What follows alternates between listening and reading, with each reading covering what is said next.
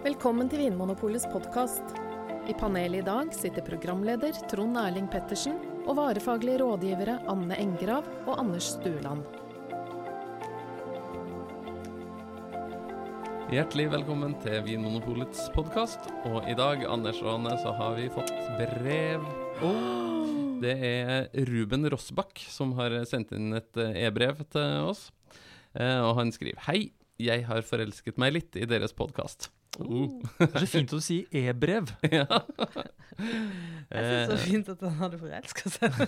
Ja, ja. Bare fortsett. Ja. Eh, og jeg gleder meg stadig til en ny episode. Det var hyggelig, Ruben. Eh, han skriver òg 'Bruk gjerne navnet mitt'. Det hadde vært en ære å få, å få høre det på podkasten deres. Ja, smiger kommer han langt med. Ruben. Så er det jo spørsmålet til Ruben, da. Nebbiolo vil jeg gjerne høre mer om. Jeg kunne tenke meg å høre litt om kongen av vin, som Barolo og Barbaresco. Anders, hva er det første du tenker på når jeg sier Nebbiolo? Det første jeg tenker på, er at um, jeg tenker på lukt. Mm. At det lukter godt av eh, Nebbiolo.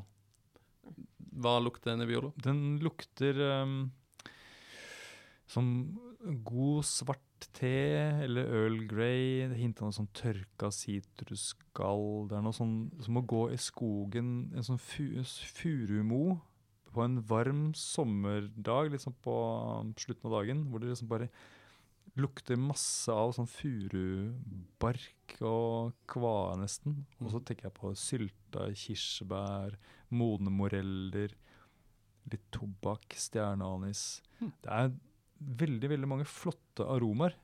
Mm. I, eh, man kan liksom, du kan bare dykke inn, svømme inn i eh, lukten av Nebbiolo. Tenk at ei blå drue, en rødvin fra nord i Italia, kan uh, ta deg med til en furumo. Det er ganske flott. Ja, det er roser og asfalt? Ja, er- roser og asfalt og trøfler og steinsopp og det er ja. ja.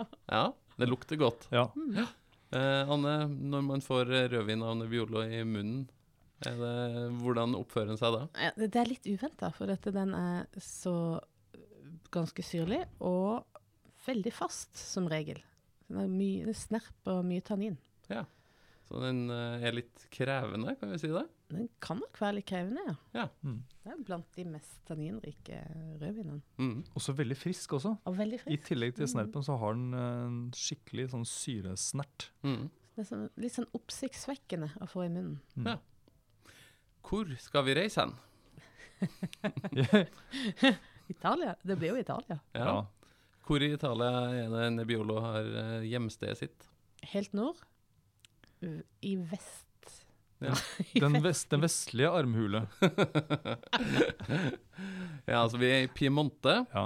eh, rundt en by som heter Alba, som er ganske stor, og eh, det er et par mindre byer som ligger i noen åssider utafor byen der, som heter Barolo og Barbaresco. Mm. Som da er de her kongene, kongene av vin som Mm. Ruben innpå har, eh, har tatt sitt navn fra. Ja, det er jo de mest kjente områdene for Nebbiolo-basert vin. Mm. Helt klart.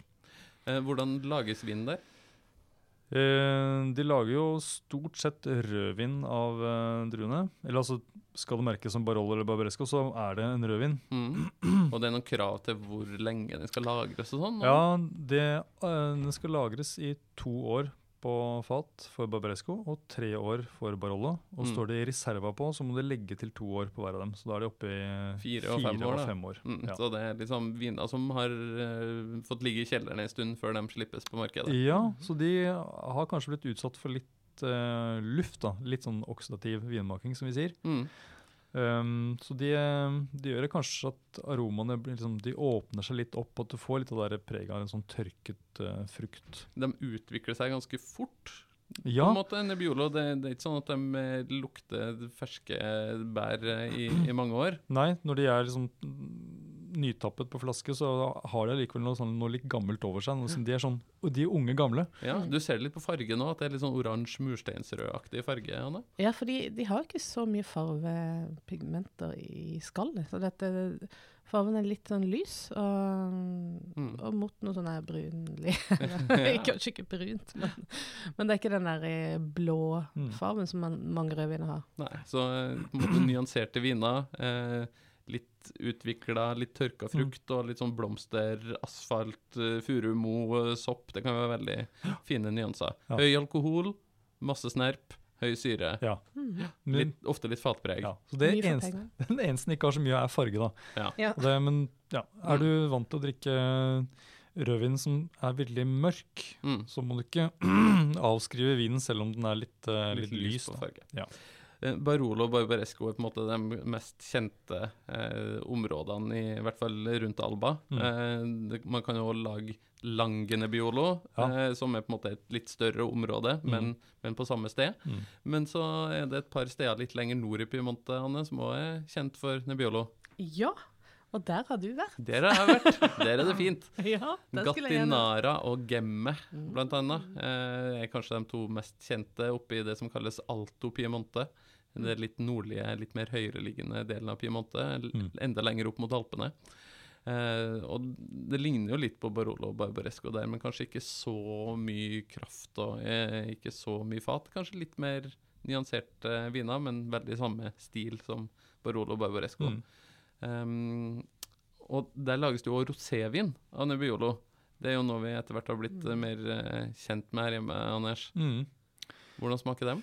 Ja, den s ja, smaker jo det, det ligner på mye annen rosévin, Mm. men kanskje at fruktigheten igjen ikke er så mye mot den der dropsaktige frukten, at det er noe litt mer mot sånn jordbæraktig frukt. Ja.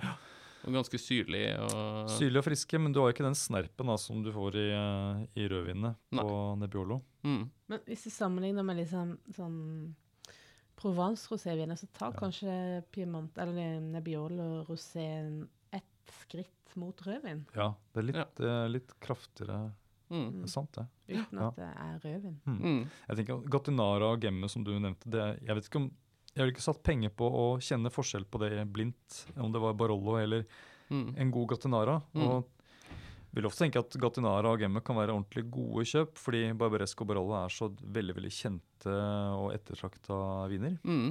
Ja, de er jo på en måte kjent for å være veldig sånn lagringsdyktige. At eh, en Barolo må du kanskje la ligge i 10-20 år før du kan åpne den, har det blitt sagt. Det er kanskje litt mer sånn fra gamle dager. Ja. Men, eh, men det er jo kjent som eksklusive, litt dyre lagringsrødviner. Ja. Mm. Altså tenker jeg at Hvis du vil prøve deg på en vin som ikke skal koste så fryktelig fryktelig mye, så kan Gattinara Mm. eller Gemme være en mulighet.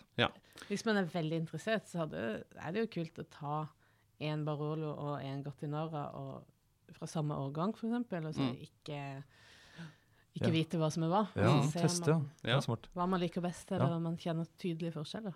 Baroloene blir jo kalt for uh, kongen, eller den maskuline, mens Barbaresco blir kalt litt den feminine i, i det området der.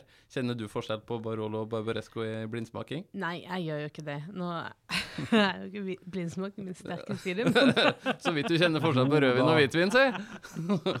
det Anne, du er er- kjempeflink. Tusen takk, Trond Erling.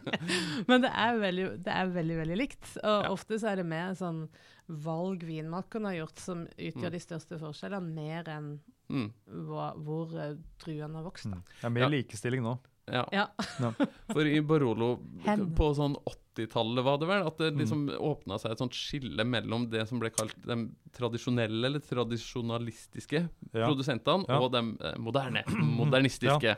Den, den nye vinen. Da det var i overgangen 70- til 80-tallet, så var det da noen produsenter som begynte, begynte da å bruke mindre fat, altså barrikk, eh, i motsetning til Mindre størrelse. egentlig. ja, så, Mm. Um, Og nye eikefat Nye også, som, ja. som ga mer smak til ja, vinen. Mens de andre produsentene, eller de tradisjonelle, var å bruke store, svære eikeliggere som hadde flere tusen liter, og som var da brukt om og om og om igjen. Så det satt ikke noe eikesmak. Ikke så mye sånn vanilje og eh, Og så høstet de gjerne disse eh, vinmakerne som hadde de små fatene, de høstet kanskje druene litt seinere. Og, og ekstraherte litt mer, på en måte jobbet litt mer for å få et litt mer uttrekk av både farge og, og, og snerp, kanskje. Så de fikk mørkere Det ble litt sånn større, mørkere, mer tyngre viner. Litt Ja. mer i sånn internasjonal stil, nesten. Ja, det skulle kanskje imponere litt mer i andre markeder enn lokalt. Mm. lokalt.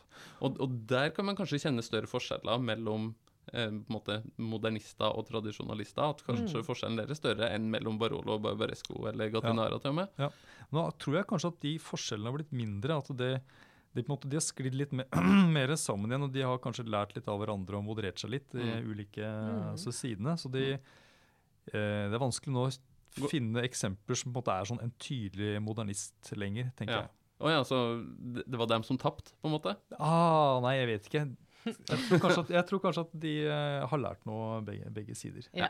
At det er mer som en sånn skala, det er ikke liksom enten-eller. Det Ja. beveger seg. Ja, Det begynte sted. som at det var de tradisjonelle, det var eh, de eh, vinmakerne som hadde en sånn litt sånn gammeldags ull, eh, ulljakke. Busserullgjengen, liksom? Mens eh, de moderne de var de som hadde fått seg skulderpute og hockeysveis. Og, Ja, det var nye, Det kule. var nye kule. Nå er det ingen av delene. som gjelder. Nå går eh, alle bare sånn vanlig offentlig sektor-klær. Ja. Um, Nebbiolo har jo farta ut i verden òg. Um, Mm. Italienere har jo flytta til mange deler av eh, verden. Er det noen steder i verden som er kjent for å eksperimentere med Nebbiolo nå i nyere tid, eh, Anne? Altså, I California så, så eksperimenterer de jo med alt. Ja. også Nebbiolo. Mm. Eh, og, og også i Australia. Så Mm. litt, der er det også en del uh, italienske Mm. Heter det innvandrere? Utvandrere. innvandrere. Ja. Så Det fins litt rundt omkring i verden, men det er på en måte Nord-Italia som er hjemstedet til Nebbiolo. helt, helt klart. Så Det er små vinmarker med Nebbiolo i eh, California og eh, Australia. Det er, ikke, det er ikke mye det er snakk om. Men uh, det er en gryende interesse, så jeg tror kanskje de er i ferd med å plante litt nytt også. Vet dere hva nebbia betyr på italiensk? Ja. OK, Anders, nå er jeg spent. Tåke. Ja. For det er ofte ganske tåkete i områdene i Piemonte. Så eh, det er nok Mm. der eh, drua har fått sitt navn fra. Nebbiolo. Ja, for det er den druen som høstes eh, vanligvis seinest av de druene som dyrkes i Piemonte. har jeg hørt. Når høsttåka begynner å komme inn. nettopp. Mm. Eh, mat, Ane. Du er jo vår eh, matekspert her. Spisende ekspert. ja. Hva, hva er den eh, perfekte retten til en god nebbiolo? Altså, Nebbiolo er kult å sette til mat fordi den har de der eh, aromaene, um, sammensatte aromaer og litt den derre jordlige underskog Sopp og høstløv. Sopp og høst. Og det er fort gjort å tenke litt sånn høstmat og sånn sopp og Mhm. høstmat som Mm. vilt og, og soppretter. Mm. Det er liksom Sopprisotto Klassisk. og nebbiolo, eksempel, Ja, er jo en sånn klassisk kombinasjon. Ja. Også fordi det bruker mye parmesan i, i, i en risotto. Mm. Og med den parmesanen så er det akkurat som du myker opp den der litt sånn eh, heftige syre- og tanninstrukturen. så du, Mm. det blir liksom Det blander seg veldig Mm. fint, da. Mm. Andre ting som er godt? Ja, Nå skal du få noe som kanskje er litt sjokkerende, men eh, hvis du lager en skikkelig god gul ertesuppe fra bunnen av med altså Du koker eh, en sånn røkt svineknok eller Ja. en salt kvinneknok eh, svi- Kvinne, kvinne- kvinne, kvinneknok. kvinneknok. er- Da hørte du ikke fra meg. ringer, da ringer jeg politiet. Sjokkert! Samme hvor god nebbiolo du har ved sida av, altså ikke noe koking av kvinneknoker. Anne, sett deg litt lenger bort. Nei, Så lager du denne deilige gule ertesuppa, da. Mm. Eh, og da kan du ha en, eh, en nebbiolo til. Å ja vel. Ja, vel. men det er spennende, for da ville jeg tenkt litt sånn Riesling eller Ja. en eller annen sånn eh, Nei. litt rik hvitvin. hvitvin. Nei, men det var bra tips. Mm. Mm, Takk. så bra. Nei, men da skal vi holde oss til svineknokene, tror jeg, ikke kvinneknokene. Eh, og så kan jeg jo nevne at f.eks. den klassiske viltmiddagen om høsten er det jo flott å finne fram en, eh, en god nebbiolo til. Mm. Eh, Så da har vi fått et par klassiske og et eh, litt utfordrende tips. Eh, Så da, Ruben, håper jeg du er fornøyd med vår lille introduksjon til Nebbiolo. Hvis du lurer på noe mer om Barolo eller Barbaresco eller andre Nebbiolo-baserte viner, så ta en tur på ditt nærmeste pol og snakk med noen av dem i blå skjorta der, for de er utrolig flinke og kan det aller meste. Så der får du òg gode svar. Hvis du som hører på liker det du hører fra podkasten vår, så blir vi veldig glad hvis dere går inn i iTunes og gir oss noen stjerner og skriver noen ord. Eh, og hvis du vil gjøre som Ruben og sende inn spørsmål til oss eller forslag til tema, da kan du sende et e-brev til podkast.vinmonopolet.no. Takk for at du hører på Vinmonopolets podkast. Har du forslag til et tema i podkasten? Send mail til podkast. I tillegg svarer kundesenteret deg på e-post, chat og telefon.